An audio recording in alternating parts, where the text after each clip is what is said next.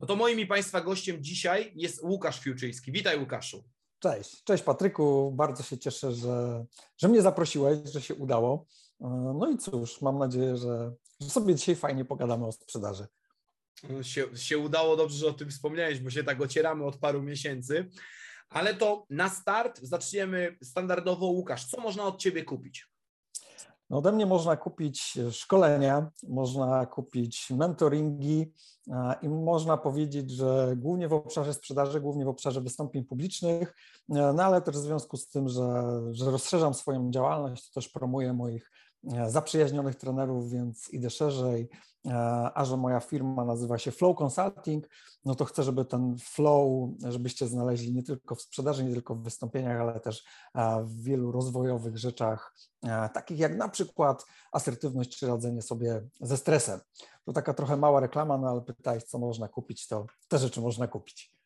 A możemy tą reklamę rozszerzyć, czy to jeszcze jest na razie owiane tajemnicą, bo wspomniałeś o asertywności, Wspomniałeś o radzeniu sobie ze stresem.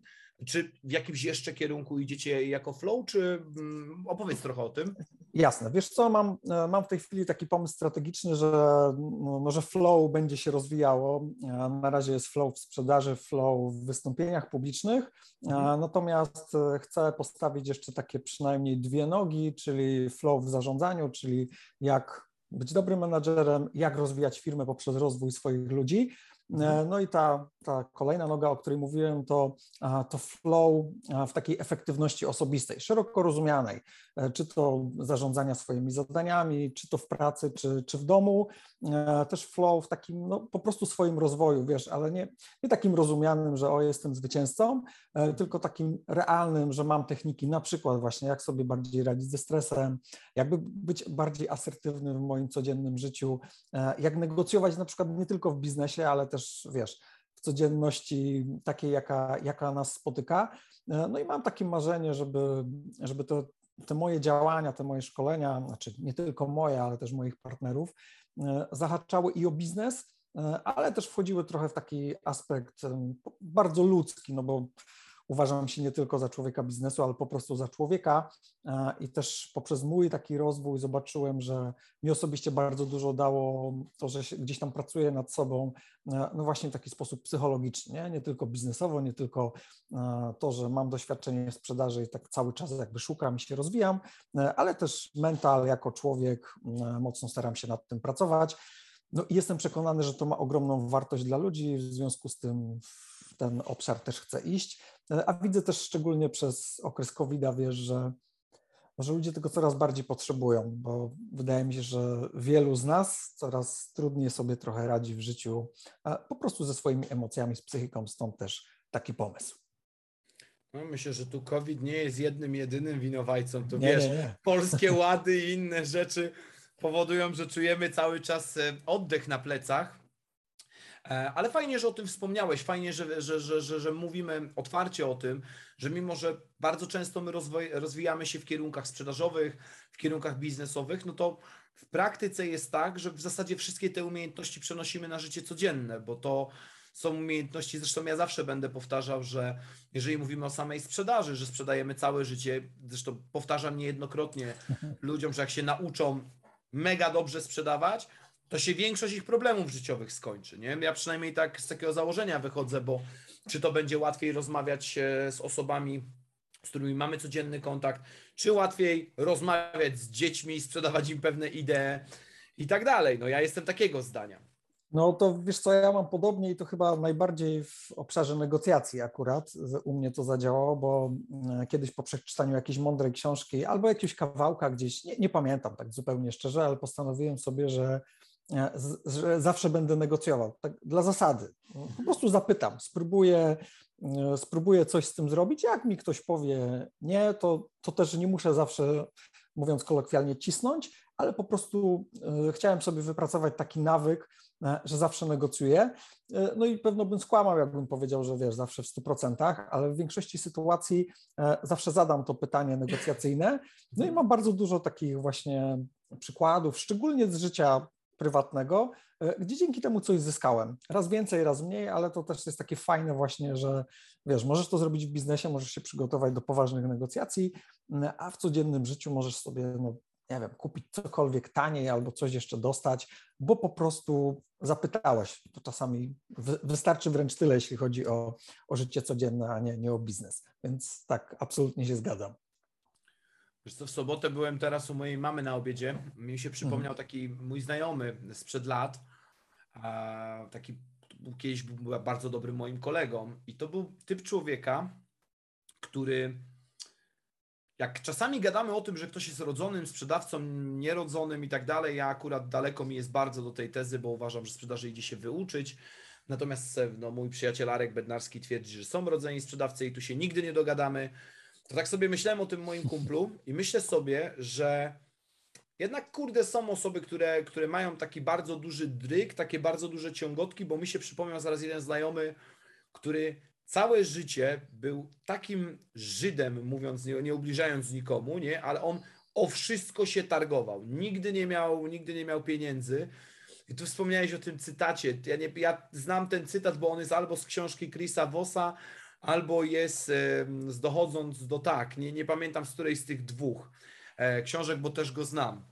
Faktycznie no ja na przykład powiem wprost, ja tej umiejętności nie mam i nigdy jej nie nabędę, nie? Że, zawsze będę się gdzieś tam próbował coś więcej dla siebie ugrać, bo ja akurat należę do osób, które uwielbiają szybko coś załatwiać, więc jak ja widzę wartość, to momentalnie mogę za to zapłacić i dobra jest, ale faktycznie wracając do negocjacji, to jest bardzo przydatna umiejętność życiowa i teraz gdybyś mógł powiedzieć, bo chciałbym, żebyśmy zahaczyli najpierw o sprzedaż, bo powiedziałeś, tak jak sobie rozmawialiśmy, że jesteś takim fanatykiem tak zwanego kamowego podejścia. I to jeszcze nigdy u mnie w podcaście nie wybrzmiało. Nigdy w tych nagraniach nikt nie powiedział takiego sformułowania kamowe podejście. Mógłbyś rozwinąć, czym Twoim zdaniem jest kamowe podejście handlowca? Mhm, jasne. E, wiesz co, generalnie co ja przez to rozumiem? Ja rozumiem przez to, że e, no właśnie kamowe, czyli Key Account Manager, czyli tak naprawdę jak ja mam klienta, mhm. E, to ja chcę, żeby ten klient mm, albo inaczej, ja chcę rozwijać stale tą współpracę, ale chcę ją rozwijać świadomie i chcę ją rozwijać w taki sposób, że ja mam na to pomysł. Czyli mhm. jeśli klient kupuje ode mnie jedną rzecz, to ja, mimo tego, że on kupuje, to, to wiesz, to nie chodzi o to, żeby teraz cisnąć tego klienta, kupuj więcej, kupuj więcej cały czas, ale ja rozumiem przez to, że ja jestem na tyle blisko tego klienta, na tyle e, rozumiem jego biznes, na tyle rozmawiam, na tyle sam umiem wyłapywać jakieś rzeczy, które wiesz, dzieją się u klienta, e, że ja jestem w stanie mu wręcz czasami, wiesz, coś podpowiedzieć, co byłoby dobre dla jego biznesu, E, coś e, zasugerować, e, zadać kilka pytań. I to rozumiem przez kamowe podejście, że ja jestem dla, dla tego klienta takim partnerem w rozwoju, a co prędzej czy później zawsze się kończy z korzyścią dla mnie. Znaczy, ono się kończy z korzyścią dla dwóch stron, ale tak naprawdę chodzi o to, że ja po prostu rozwijam tego klienta i nie robię tego na siłę, tylko naprawdę myślę, co by u tego klienta się sprawdziło. I mam przynajmniej kilka takich przykładów, gdzie to fajnie działa gdzie ja nie zawsze od razu na przykład mam z tego korzyść. To podam Ci przykład jednej firmy, z, którą, z którą współpracuję. E, duża, duża firma e, międzynarodowa e, i no w związku z tym, że jestem w branży szkoleniowej, no to mam jakieś określone obszary, które sprzedaję. Akurat ten klient kupuje ode mnie dwa konkretne rodzaje szkolenia i nie kupuje więcej, bo po prostu inni, inni je obsługują, ale wypracowałem sobie coś takiego, że jak klient ma potrzebę, szuka czegoś nowego, to dzwoni do mnie. I teraz e, dzwoni do mnie albo po to, żeby być może kupić to u mnie, e, albo po to, żeby się dowiedzieć, kto to mu dobrze zrobi. I dla mnie to też jest takie kamowe podejście, bo ja sobie wypracowałem to, że wiesz, że ja jestem pierwszym wyborem, e, i nawet jak ja w tej chwili nie zyskuję na tym, nie sprzedam, to tak naprawdę coraz bardziej się zagnieżdżam w tej firmie. Moje nazwisko gdzieś tam, wiesz, chodzi, coraz więcej ludzi o mnie wie i prędzej czy później, a już mam kilka dowodów na to przynajmniej, że, że mam z tego biznes. I to, to dla mnie jest kamowe podejście, czyli obsługuję, opiekuję tego klienta sam, zastanawiam się, co byłoby dla niego dobre, ale nie dla, na zasadzie, o, mam teraz nowy produkt, to może ci go sprzedam, tylko raczej myślę perspektywą, co klient potrzebuje i czy ja umiem mu jakoś pomóc. To, to w ten sposób. Czyli takie chyba trochę podejście też challengerowe. No bo nie da się ukryć, że metodyka sprzedaży challenger no, opiera się właśnie na tym znaniu nośników wartości u klienta, na rozwijaniu klientów, na na tym, że my wiemy, na czym polegają siły napędowe naszego klienta, tak. umiemy mu doradzać, tak? Dobrze mhm. to rozumiem? Wiesz to tak, jest tu, jest tu pewne elementy challengera, bo, no bo jest tu gdzieś ta edukacja klienta, jest tu gdzieś pokazywanie nowych, nowych sposobów, ale to wiesz, to nie zawsze w taki, w taki sposób mm, nie wiem jak to nazwać, stricte edukacyjne albo właśnie challenge'owanie klienta, to, to nie do końca o to mi chodzi. E, jest tu ten element challengera, bardziej mi chodzi o takie pewnego rodzaju farmowanie, które, e, które jakby rozszerza e, punkty styku mojej firmy z firmą klienta z korzyścią dla, dla klienta, no i tak zawsze dla mnie gdzieś później w którymś momencie. Że to jest zawsze fajne, nie? Tutaj ty też mógłbym opowiadać, ale to nie, nie, nie o to chodzi, żebym ja gadał, ale e, mógłbym opowiadać też historię, wiesz, gdzie do mnie dzwonili klienci totalnie wiedząc, że tej usługi dla nich nie jestem w stanie wyświadczyć, ale pytali mnie o opinię, gdzie mogliby to zrobić, czy mam jakiegoś zaufanego partnera i to był na pewno bardzo duży komplement, więc e, zgadzam się bardzo mocno z tym kamowym podejściem, tym bardziej, że i tu to jest w formie pytania trochę do Ciebie, bo mam, mam jakieś swoje zdanie, które, które właśnie wypowiem, że ja uważam, że wielu handlowców żyje bardzo wygodnie na klientach, jak ja to mówię. Czyli jeżeli ma klienta, który przynosi mu pewien określony dochód, to oni już tego klienta nie rozwijają w żaden mhm. sposób. Nie, nie wiem, czy też masz takie Zgadzam doświadczenie. Się. Zgadzam się. Chociaż tu czuję się zobowiązany opowiedzieć pewną dygresję o najbardziej idiotycznym systemie wynagrodzenia, który usłyszałem w życiu. Mhm. Otóż pewna firma e, XYZ, tak bym ją nazwał, nie będę przytaczał, bo to dosyć duża firma, miała taki system wynagrodzenia handlowców, ja się dowiedziałem o tym totalnie przez przypadek, że handlowcy mieli pewien górny limit wynagrodzenia, które mieli do wypracowania. Teraz nie byłoby w tym nic nadzwyczajnego, gdyby nie to, że ci handlowcy mieli też za zadanie przejeździć odpowiednią ilość kilometrów danego dnia. Co jak gdyby jedno z drugim totalnie nie, nie szło w mhm. parze, nie? bo skoro i tak sam w pewnym stopniu blokujesz klienta e, i blokujesz dopływ, e, dopływ sobie pieniędzy, no to e, nie ma, nie, ma, nie, nie ma po co tego robić, nie? I pamiętam taką historię, jak mi ktoś opowiedział, to tam się okazywało, że w ich branży wystarczy, że on pozyskał dwóch dobrych klientów, dobrych, i mhm. to, to wystarczyło, to on nie musiał nic robić, a kilometrówkę swoją jakąś idiotyczną musiał wyrabiać, to dla mnie to, to totalna bzdura, nie? Bo ja bym w tym momencie szukał oszczędności, no ale no. E, to, to, to, mi się przypomniało. To, to, ale to mówię, to jakby, no to bym ci powiedział, co to za firma, to byś sam w to nie uwierzył, że ta firma mogła coś takiego zrobić. Ale dobra, mniejsza o to. E, wspomniałeś też, jak sobie gadaliśmy o tym, że jesteś też, e, jak gdyby no, trochę jest to powiązane, zwolennikiem takiego prospektingowego podejścia do klientów, lubisz nauczać swoich, e, swoich podopiecznych czy osoby, z którymi współpracujesz, właśnie metod prospectingu. I jakbyś mógł teraz powiedzieć, jak Twoim zdaniem powinien wyglądać taki prospecting nowoczesnego handlowca? Hmm. To jest bardzo, bardzo złożone pytanie tak naprawdę, e, no. no bo jak sam dobrze wiesz, to tych kanałów prospectingu dzisiaj mamy, mamy kilka, kilkanaście. No i też jakby to, co ja widzę, że, że trochę marketing się nam zaciera ze sprzedażą i, i robi się tak, że, że trudno dzisiaj tak do końca odpowiedzieć, co jest marketingiem, co, co już jest sprzedażą. E, natomiast jakby co, co, do, co do prospectingu, jakie jest moje podejście, e, no to ja, ja też zauważyłem właśnie tak, e, właśnie nie wiem, czy to jest challengerowe, ale od jakiegoś, od, od kilku lat to mi tak dość mocno przyświeca, że mm, że jednak rozumienie mm, tak naprawdę tego, co jest ważne dla drugiej strony, czyli dla klienta, czyli e, trochę pójdę sandlerem, ale jakie ma bóle, e, też jakie ma potrzeby, co jest dla niego ważne, na czym polega jego biznes, jest jakby kluczowe, żeby ten prospecting w ogóle miał jakikolwiek sens, bo e, przyznam się bez bicia, mm, przez, przez wiele lat pracowałem w różnych firmach na, na właśnie stanowiskach handlowych różnych, no i sam przykład cold calla, sam wykonywałem takie cold call, gdzie, gdzie dzwoniłem, mówię, dzień dobry, mam tutaj do sprzedania coś, może pan kupi. Nie? I jakby robiłem to trochę z automatu, nie zastanawiając się, czy w ogóle ta firma, ten człowiek, e, oni w ogóle tego potrzebują, e, a jeśli potrzebują, to jak ja mam o tym powiedzieć, żeby to było sensowne dla tej drugiej strony, żeby, żeby go złapać.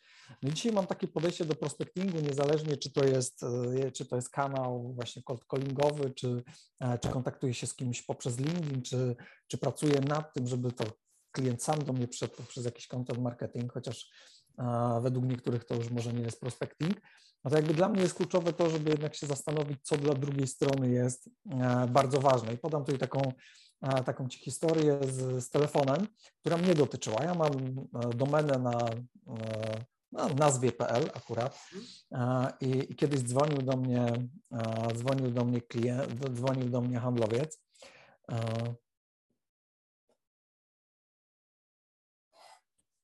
Dzwonił do mnie handlowiec i e, nie wiem, czy powinien mówić nazwę tej firmy. No, jak chcesz, słuchaj. Ja nie podałem, bo nie chciałem. Aha. E, no tak, no właśnie. E, dobra, dzwonił do mnie, to się najwyżej wytnie. To, to możesz wrzucić jako, wiesz, jako początek, to się najwyżej wytnie, to będzie dobre. No i dzwoni, dzwoni do mnie taki handlowiec i mówi, o tutaj dzień dobry, mm, dzień dobry, dzień dobry. Ja tutaj do Pana dzwonię, bo mamy promocję. No bo tu jest coś takiego. Ja tak kulturalnie, e, ale też z zawodowych powodów mm, no, pytam tego człowieka, mm, fajnie, fajnie, ale w sumie to ja nie wiem o co chodzi. Nie, no, ale wie pan, bo jest promocja teraz, można dużo taniej kupić. Nie? Ja mówię, no super, ale ja nie wiem o co chodzi. E, no i tak już po trzecim jakby próbie przekonania tego handlowca, że ta promocja jest super, to e, bardzo kulturalnie, ale zapytałem, ok, ale ja nie wiem, czy mi to jest potrzebne, do czego w ogóle ja bym to, tego miał użyć i czy w mojej firmie to ma jakiekolwiek znaczenie. E, no i, i, to mnie tak jakby tak ostatecznie przekonało o tym, że e, jeśli ja wiem, co jest ważne dla mojego klienta, albo postawię dobrą hipotezę, no bo wiesz, nie zawsze wiem, to, to te, te, działania prospectingowe są po prostu dużo, dużo sensowniejsze. Jakby tak trochę już wprost odpowiadając na Twoje pytanie, uważam, że E, że prospecting powinien być w miarę możliwości zaplanowany. Nie? Najlepiej, jeśli mamy miks, czyli masz jakiś miks e, połączenia e, budowania Twojej marki osobistej na, na social mediach, plus do tego możesz mieć kanał cold callingowy czy cold mailingowy. Często pracujemy, szczególnie w naszej branży, na poleceniach i to wszystko ze sobą się pięknie łączy, no bo, bo, bo jeśli do kogoś zadzwonisz, to on na pewno cię sprawdzi na, na LinkedIn bądź w innym portalu. Jeśli e, ktoś cię poleca, to ta osoba też cię pewno sprawdzi na LinkedIn e, i sposób, w jaki tam się pokazujesz, na pewno wpłynie na to, e, jak ta osoba, jaki sobie zbuduje po prostu obraz ciebie, czy jesteś ekspertem, czy nie jesteś, czy w ogóle chce z tobą rozmawiać.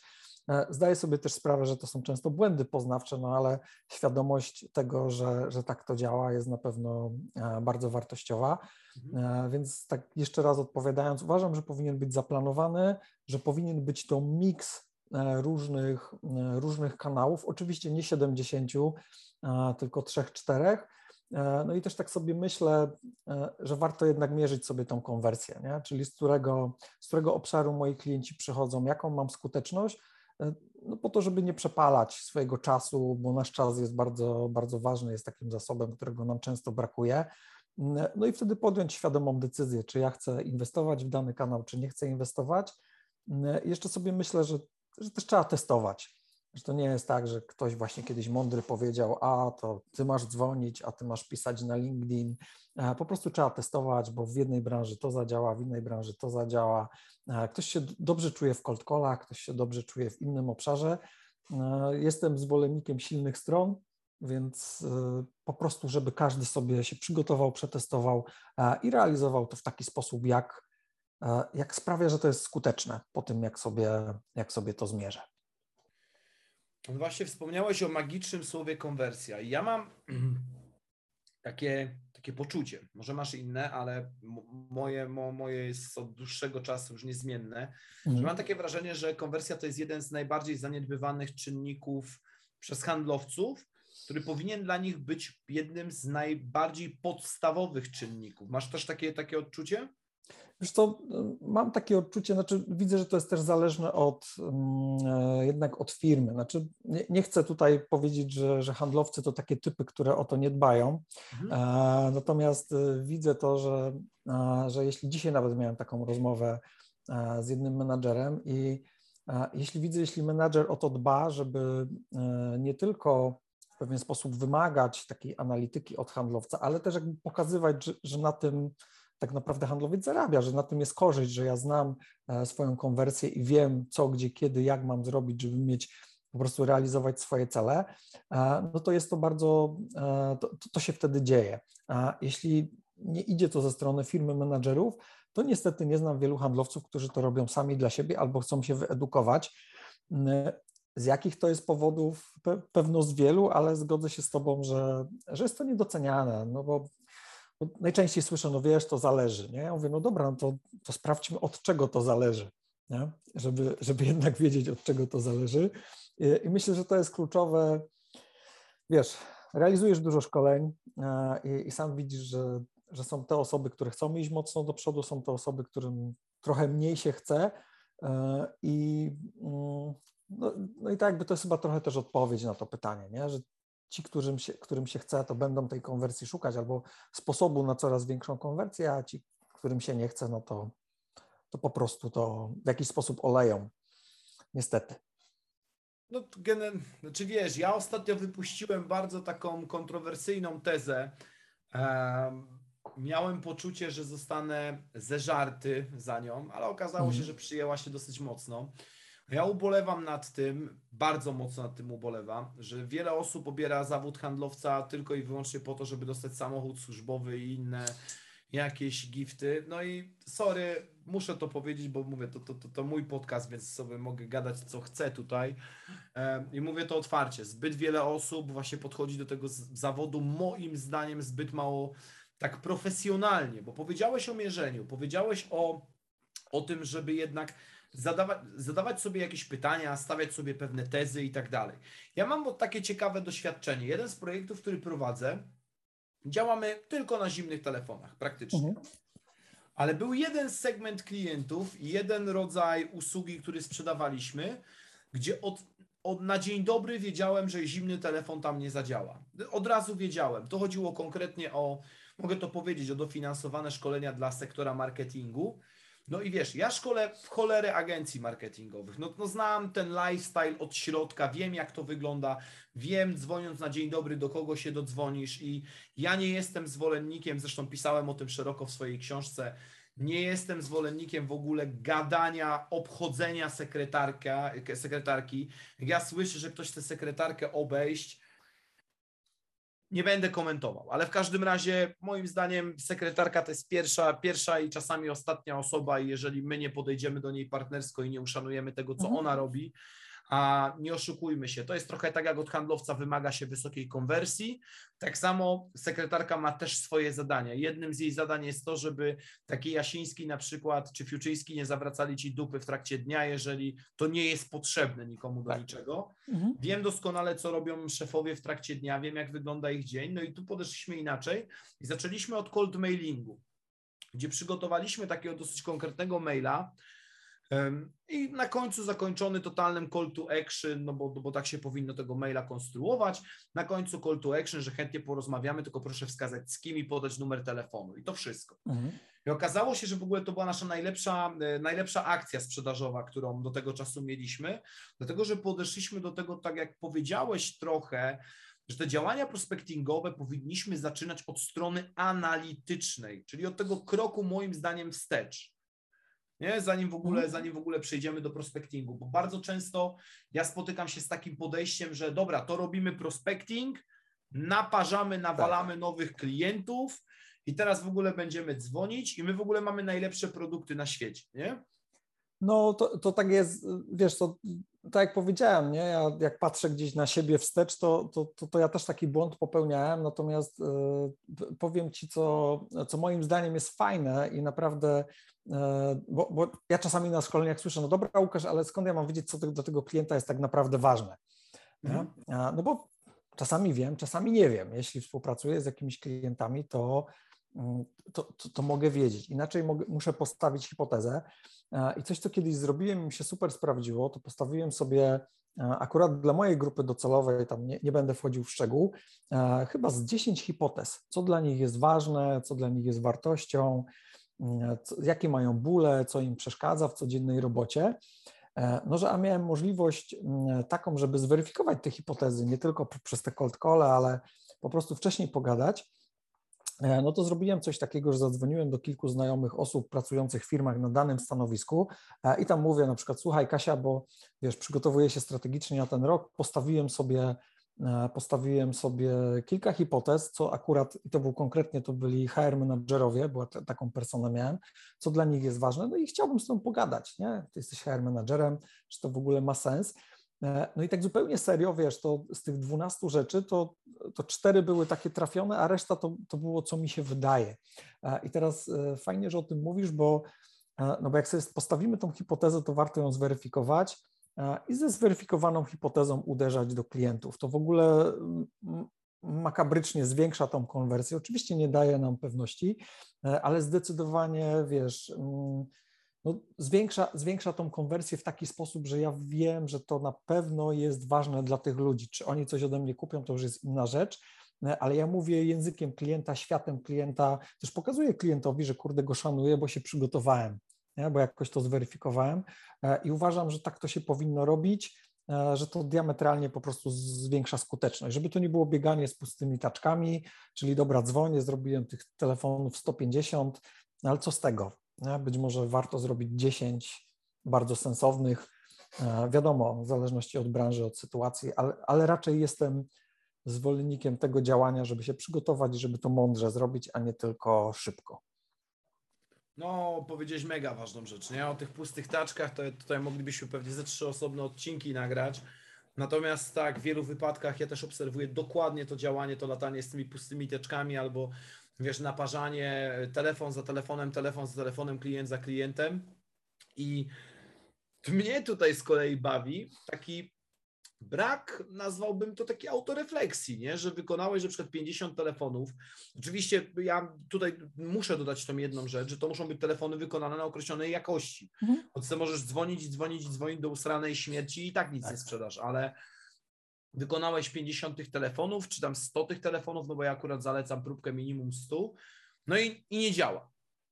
Nie? No i rynek jest zły, produkt za drogi, firma do dupy, my jeszcze nie mamy wsparcia, marketing nie działa, nie wiadomo co jeszcze i nie wiadomo czego tu oni ode mnie chcą. E, ale wspomniałeś o jednej bardzo ważnej rzeczy. Ja przygotowuję się do pewnego artykułu, który chcę tam na łamach jednej gazety wrzucić, bo powiedziałeś, że ciężko w dzisiejszych czasach stwierdzić, gdzie jest sprzedaż, a gdzie jest marketing. Rozwiń proszę tą myśl. E, wiesz co, no, po prostu e, tak naprawdę teraz to wszystko, co jest związane z automatyzacją albo chociażby z tym, co, co, co ty też robisz dość mocno, nie? czyli cały content marketing, który, e, który jest wspaniałym źródłem leadów na, na, pewnym, na pewnym etapie, no i wiesz, dla, jakby myśląc tak po staremu, parę lat do temu, no to to jest działanie marketingowe, nie? czyli pisanie artykułów, robienie podcastów, wrzucanie coś na YouTube, ale tak de facto no jakby z tego przychodzą takie, wiesz, już lidy, można powiedzieć nawet nie marketingowe, tylko sprzedażowe e, i moim zdaniem to się dość mocno zaciera, nie? bo teraz, teraz wiesz, możesz w, CRM-ie mieć jakąś automatyzację, E, cały, cały marketing automation tak naprawdę jest nastawiony na to, żeby, e, żeby wiele rzeczy automatyzować, żeby do ciebie jako do, do handlowca e, przychodził już konkretny lead, który jakoś tam się sam zakwalifikował poprzez różne działania właśnie na przykład marketing automation i, i mam takie poczucie, że, że wiesz, już tylko siedzenie na przykład z telefonem i z mailem to już jest niewystarczające, nie? że już taka, taka klasyczna sprzedaż, że ona się trochę kończy w takim rozumieniu E, że teraz trzeba być taki omni, nie? czyli dużo, dużo, dużo, dużo różnych rzeczy robić. E, no i to, i to się po prostu dzisiaj sprawdza. E, wiele firm, które pewno zostaną przy tym, że no, czas się zmienił, ale my od 20 lat dzwoniliśmy i dalej będziemy dzwonić i nic nowego nie robić, no to jeszcze może dzisiaj to działa, w jakiejś branży to działa, ale za chwilę przestanie. Nie? Zresztą są badania też, że, że, że jakaś tam duża liczba osób rozpoczyna swoje procesy zakupowe po prostu w Google i jak E, jak sam myślę o sobie, no to jak cokolwiek czegoś szukam, e, również szkolenia, no to pierwsze co robię, to wpisuję w Google, nawet jak, e, nie wiem, mój znajomy się czymś zajmuje, no to ja sobie przynajmniej zweryfikuję, czy ta, czy ta cena, którą wiesz, ktoś mi mówi, czy ona jest rynkowa na przykład, nie? Więc, no, to, to pokazuje, że, że, że, dla mnie te granice się mocno zacie, zatarły. No i teraz znowu w zależności od firmy, branży, no jakby trzeba, trzeba inwestować w te kanały nowoczesne, nie? czyli jednak no być w sieci, być widocznym, budować, budować swoją markę w, w sieciach społecznościowych, no bo bez tego wydaje mi się niedługo firmy, które o tym zapomniały, no będzie im trochę ciężko. No ciekawy kierunek wskazałeś, bo, bo jest to dosyć bliskie temu, co ja już od dłuższego czasu powtarzam. I ja uważam, to jest moje zdanie, tutaj można się zgodzić albo nie, że w dzisiejszych czasach nie ma już żadnej różnicy, czy jesteś handlowcem, czy marketingowcem. Nawet jak jest to stare powiedzenie, że handlowcy są pierwszym marketingowcem firmy, a marketingowcy pierwszym sprzedawcą, to ja się w 100% z tym zgadzam, bo dzisiaj Wspomniałeś o LinkedInie, no to to jest taki główny kanał dzisiaj, prawdopodobnie wiesz, nasz, główny kanał naszej aktywności, ale nie wiem, jakie są Twoje obserwacje, bo ja mam taką obserwację, że będąc w różnych firmach XYZ, to widzę dwie rzeczy. Albo w ogóle nie mają kont na LinkedInie, e, mhm. bo po co? Mhm. Albo jak mają, to wrzucają jakieś durne treści, które nikogo nie interesują, nie? Typu nasza firma robi to i to i to i tak. to i tamto jeszcze, nie? Mhm. Znaczy wiesz, no, to wydaje mi się, to, że to jest tak, znaczy jest pewno coraz więcej osób, firm, które jakoś to robią dobrze, ale, ale masz rację, bo, bo ja też, też zdarza mi się prowadzić szkolenia dotyczące LinkedIn. No i też mam takie wrażenie, że mm, że jak ktoś zaczyna, e, jakby trochę nie czuje tego feelingu albo nie czuje tego, tego kanału, to, to, to pojawiają się właśnie takie trochę reklamy. Nie? Czyli nie, ma, nie masz tam kontentu e, typu, co jest wartościowe dla, dla mojego tego jedynego odbiorcy, czy dla po prostu dla mojej grupy odbiorców, tylko wrzucam coś, co jest o nas, a nie, co jest, nie coś, co jest o kliencie. Mhm. Wiesz co, wydaje mi się, że, że to się będzie zmieniać, nie? bo jakby coraz więcej firm to zauważa, ale jakby się zgadzam z tym, że, mm, że, że to jest wyzwanie dla wielu osób, czy tam dla wielu, dla wielu firm.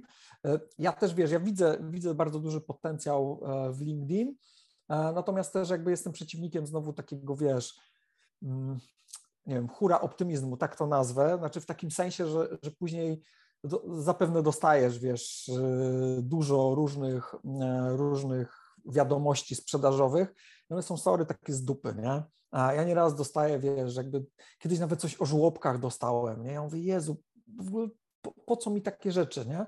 No i znowu, i to, to znowu wracamy do tego początku, e, że ktoś nie pomyślał. Ja rozumiem, że, że ludzie chcą iść na, na szerokość, że jest jakaś automatyzacja, bądź wysył, wiesz, przygotują jakieś teksty, wysyłają, ale to jest kontrproduktywne i wręcz budzi agresję, nie? Więc e, wydaje mi się, że też duża rola e, tego, żeby ten LinkedIn był traktowany tak po prostu e, profesjonalnie, ale też po ludzku. Nie? Bo ja, ja sobie tak wyobrażam i ja lubię, nawet jak ktoś do mnie napiszesz czymś, czego nie potrzebuję, ale jak człowiek do człowieka, to, to ja chętnie odpowiem. Nie? Nawet czasami tak, słuchaj, nie jestem Twoją grupą docelową, raczej deala nie zrobimy, ale bądźmy w kontakcie, może kiedyś coś z tego będzie. A jak ktoś do mnie pisze tak z czapy w ogóle, nie wiem, o czymś, co, co totalnie mnie nie dotyczy, no to widzę, że się nie przygotował. No tu chyba będzie wychodził brak edukacji sprzedażowej, bo to jednak mimo wszystko ja uważam, że zresztą cały czas widzę ten mechanizm, że handlowcy są albo bardzo mało edukowani, albo edukowani w złym kierunku, bo ja uważam, że fundamentem dobrego wyedukowania w ogóle handlowca, zrobienia z kogoś profesjonalnego, takiego doradcy, niestety, ale muszą być też elementy edukacji biznesowej. I jeżeli mówimy o, o szkoleniach sprzedażowych jako takich, to ja sobie nie wyobrażam dłuższego projektu, w którym bym był zaangażowany, gdzie nie edukowałbym ludzi biznesowo, bo ja wiem, że y, oczywiście zgadzam się w 100%, że 90% osób się w ogóle nie nadaje do prowadzenia firmy i oni nigdy prowadzić firmy nie będą i nie ma co tego podejścia negować, po prostu Dobrze. wartości. To? Dobrze, nie? Że nie będą prowadzić. Wiesz co, ja, ja powiem Ci trochę tak, jak kiedyś powiedział mój znajomy. On powiedział, że on uważa, że każdy człowiek na świecie powinien mieć swoją firmę. E, to by się wiele problemów pokończyło, chociażby przeterminowane faktury, nie? I on ma trochę racji, nie? Że, mhm. że tak było. Ja uważam, że ta edukacja biznesowa jest bardzo ważna, natomiast jak ja sobie myślę tak czasami o firmach, bo jesteśmy w takim, na takim bardzo ciekawym teraz rozdrożu, bo mamy bardzo dużo firm. Nie wiem, jak dużo masz takich klientów MŚP. Ja mam bardzo dużo MŚP i zauważam, że właściciele próbują przenosić dziś naleciałości czegoś, co działało 20-25 lat temu na swojego współczesnego handlowca, nie? Nie wiem, czy mhm. też masz takie, takie obserwacje, że są, wiesz, te same e, sposoby, u mnie tak działało, a weź dzwoń do takich klientów, bo oni zawsze kupowali. To nic, że ci klienci dzisiaj są klientami internetowymi na przykład, nie? Mhm. Tak, znaczy wiesz co, ja, ja, aż tyle nie mam doświadczeń e, z MŚP, ale e, też, też mam takie doświadczenia, jeśli mam, bo, bo, bo oczywiście trochę ich mam. Mm, co, coś, co dla mnie jest takie właśnie zadziwiające, um, czy nie wiem, czy zadziwiające w zasadzie, to, to taka, wiesz, trochę skostniałość, nie? I, e, i widzę to szczególnie przy, przy osobach, które już długo pracują i właśnie szczególnie w niewielkich firmach. Znaczy, co to znaczy, nie? Czyli ktoś 15 lat pracuje w jednej firmie, od 15 tak, lat tak robił, to się sprawdzało, dalej tak robi e, i, mm, i, i nie wiem, dlaczego te osoby nie są e, otwarte na nowe rzeczy, przynajmniej takie mam doświadczenia, albo rzadko są otwarte na nowe rzeczy, mimo tego, że widzą, że to przestaje działać. Mhm. E, I teraz nie, nie, chciałbym się mądrzyć, bo w ogóle nie taki jest mój cel, ale wiesz, no, uważam się za osobę doświadczoną, te, te w zasadzie już prawie 20 lat jestem w sprzedaży I sam się łapię na tym, że prowadzę jakieś spotkanie nie? i po tym spotkaniu tak sobie siadam i myślę, kurde, nie wiem, za wcześnie zaproponowałem to, albo e, nie zapytałem o coś, co jest ważne, e, coś pominąłem, albo jakoś popełniłem jakiś błąd, nie? I teraz, wiesz, zaczynam to analizować, sobie myślę, kurde, przecież ja to wiem, czemu ja tego nie zrobiłem, nie? I jakby to, to mnie doprowadza do takiego miejsca, w którym nawet jak ktoś ma duże doświadczenie, to powinien cały czas szukać albo wracać do podstaw, bo my często się wykładamy e, jako osoby doświadczone na podstawach. I teraz jakby wracając do tych MŚP, mam takie poczucie, że właśnie ludzie, wiesz, byłem, chodziłem kiedyś do szkoły, nauczyłem się już koniec edukacji. Mhm. E, I, I, często się z tym spotykam, co, co w sumie mnie boli, bo to są inteligentni ludzie, e, a jakby na dzień dobry, kurczę, my tak robimy i koniec, te nowe rzeczy to, to u nas nie do końca się sprawdzą nie? Mhm. bez testu. Nie? Bo jak ktoś przetestuje i stwierdzi, że nie, to jeszcze można pogadać, dlaczego nie, poszukać rozwiązania. A w takiej sytuacji to, no, to jest takie nawet nie chodzi o to, że, że ciężko się pracuje, tylko tak trochę żal, nie? że w sumie inteligentni ludzie i jakby nie chcą. Nie wiem z jakiego powodu, jeszcze do tego nie doszedłem. No, pewnie wiesz, pewnie po części będzie, będzie brała górę nasza niechęć do zmian, nie? Wiesz, ja akurat nie jestem zwolennikiem, nie lubię w ogóle tego słowa strefa komfortu, bo ja bardzo nie lubię tego słowa, bo też uważam, że to jest słowo nadużyte w ostatnich latach dosyć mocno, e, ale pewnie po części gdzieś, gdzieś tu będzie to ulokowane.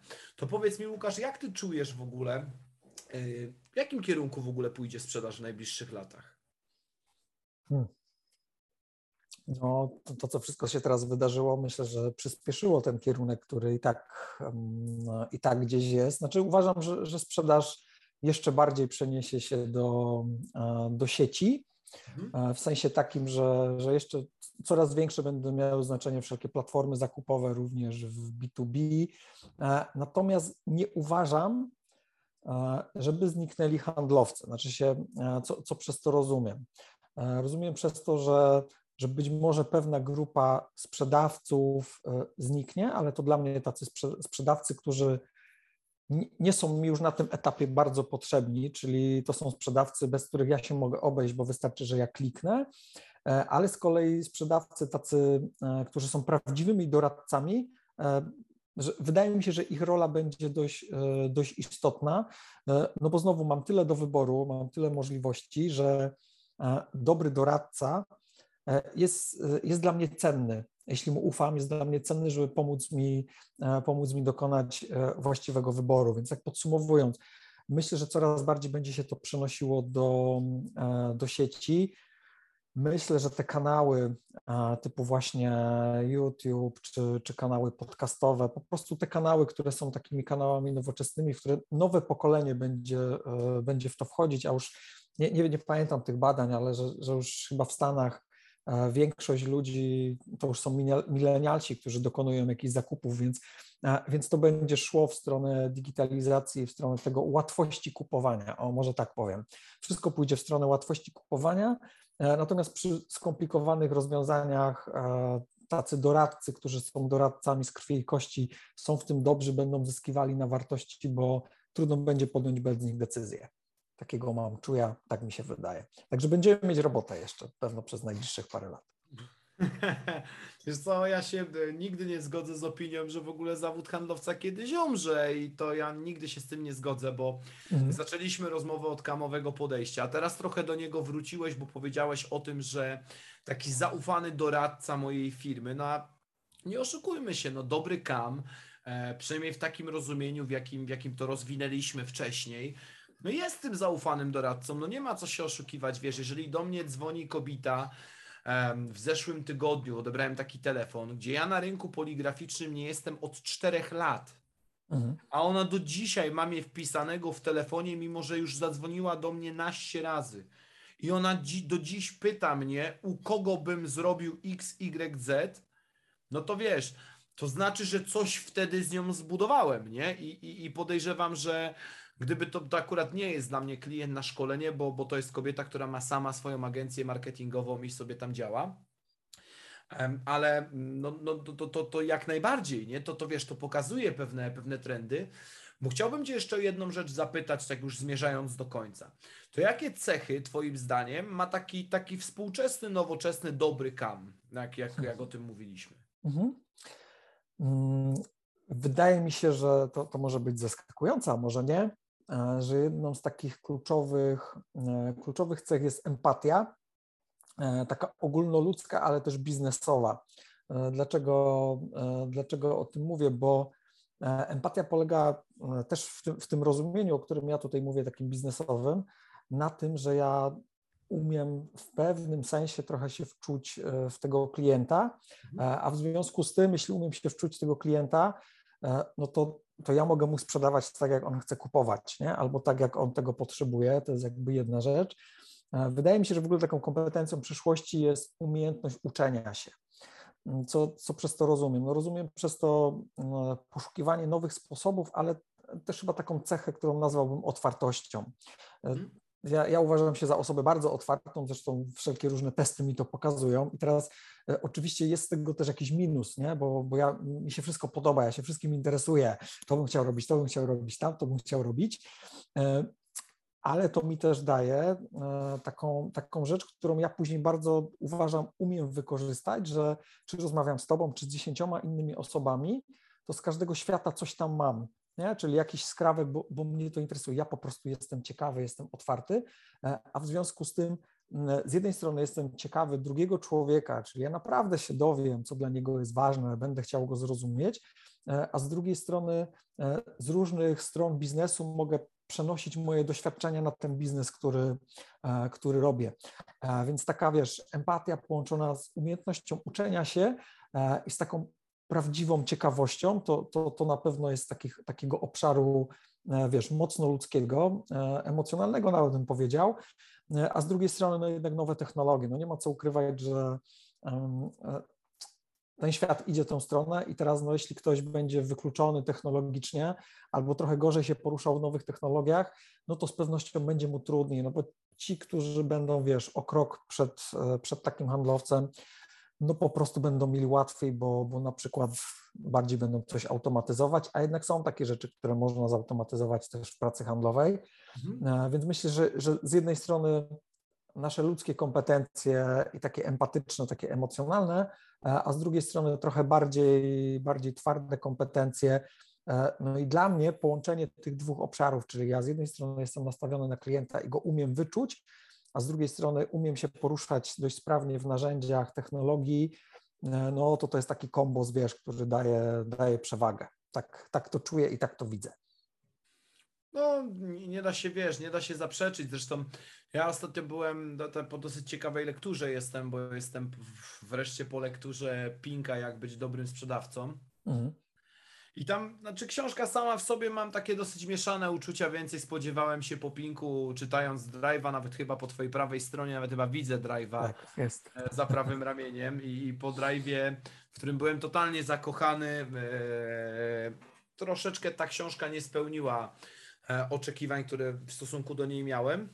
Natomiast tam jest, nie wiem czy czytałeś tą książkę czy nie, tak. ale... Mm, jest fajnie opisana historia handlowca chodzącego od domu do domu z neseserkiem, takiego wiesz, handlowca w starym stylu, który nagle, tak, który nagle z dnia na dzień się dziwi, że coś, co działało jeszcze chwilę temu, dziś już nie działa, że klienci nie chcą, że rynek się załamuje i tam co on jeszcze może sobie powiedzieć, to sobie mówi.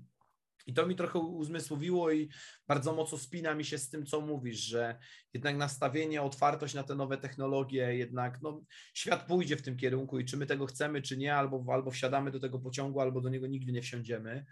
E, stąd, stąd też ten nacisk na ten nowoczesny prospecting, stąd do niego pytałem. I teraz Łukasz, tak spinając całe nasze, nasze spotkanie, bo pewnie godzi, gadać moglibyśmy godzinami, ale też nie chodzi o to, żebyśmy słuchacze zajechali, powiedz mi, gdzie można Cię namierzyć, czym chciałbyś się podzielić z osobami, które oglądają i nas słuchają? Mm, słuchajcie, można mnie namierzyć na LinkedIn przede wszystkim.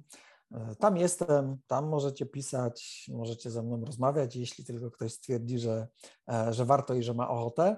E, zapraszam też oczywiście na, na moją stronę flowconsulting.pl. Tam trochę więcej właśnie o tym flow, o tym flow w sprzedaży, o tym flow w zarządzaniu, o tym flow w wystąpieniach publicznych, a przy okazji wystąpień, no to taka rzecz, którą po prostu z pasji bardzo lubię robić, no to znajdziecie tam też podcast, który zwie się mówić każdy może. No i znajdziecie tam trochę darmowej wiedzy o tym, jak przygotowywać swoje prezentacje, jak przygotowywać swoje wystąpienia po to, żeby były ciekawsze, sensowniejsze, żeby bardziej angażowały i być może bawiły Twoich słuchaczy. Więc jeśli tylko masz taką ochotę, jeśli tylko stwierdziłeś, stwierdziłaś, że warto, no to znajdziesz mnie na LinkedIn bądź na mojej stronie. Chyba to tyle. Łatwo dość mnie znaleźć, więc zapraszam.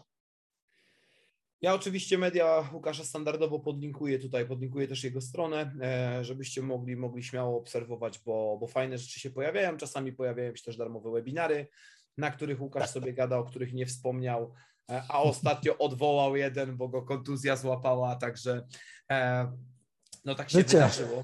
Życie. Tak Dobra, Łukaszu, ja Ci ślicznie dziękuję za nasze dzisiejsze spotkanie, za to, że chciałeś się spotkać, chciałeś się podzielić tym, co wiesz i że pogadaliśmy od fajnej strony o sprzedaży. Mega dzięki. Super. Ja również dziękuję za zaproszenie. Fajnie, że się wreszcie udało, bo tak, tak jak powiedziałeś, mijaliśmy się na różnych konferencjach przez e, ostatni rok chyba parę razy. E, no i w sumie tak wyszło tak, że zrobiliśmy też projekt wspólny, osobny, ale wspólny, no i, e, i to fajny przyczynek do tego, żeby pogadać. Dzięki wielkie, dzięki Tobie, dzięki Wam za oglądanie. No to trzymajcie się do następnego razu. Dzięki. Dzięki, hej. Cześć, cześć.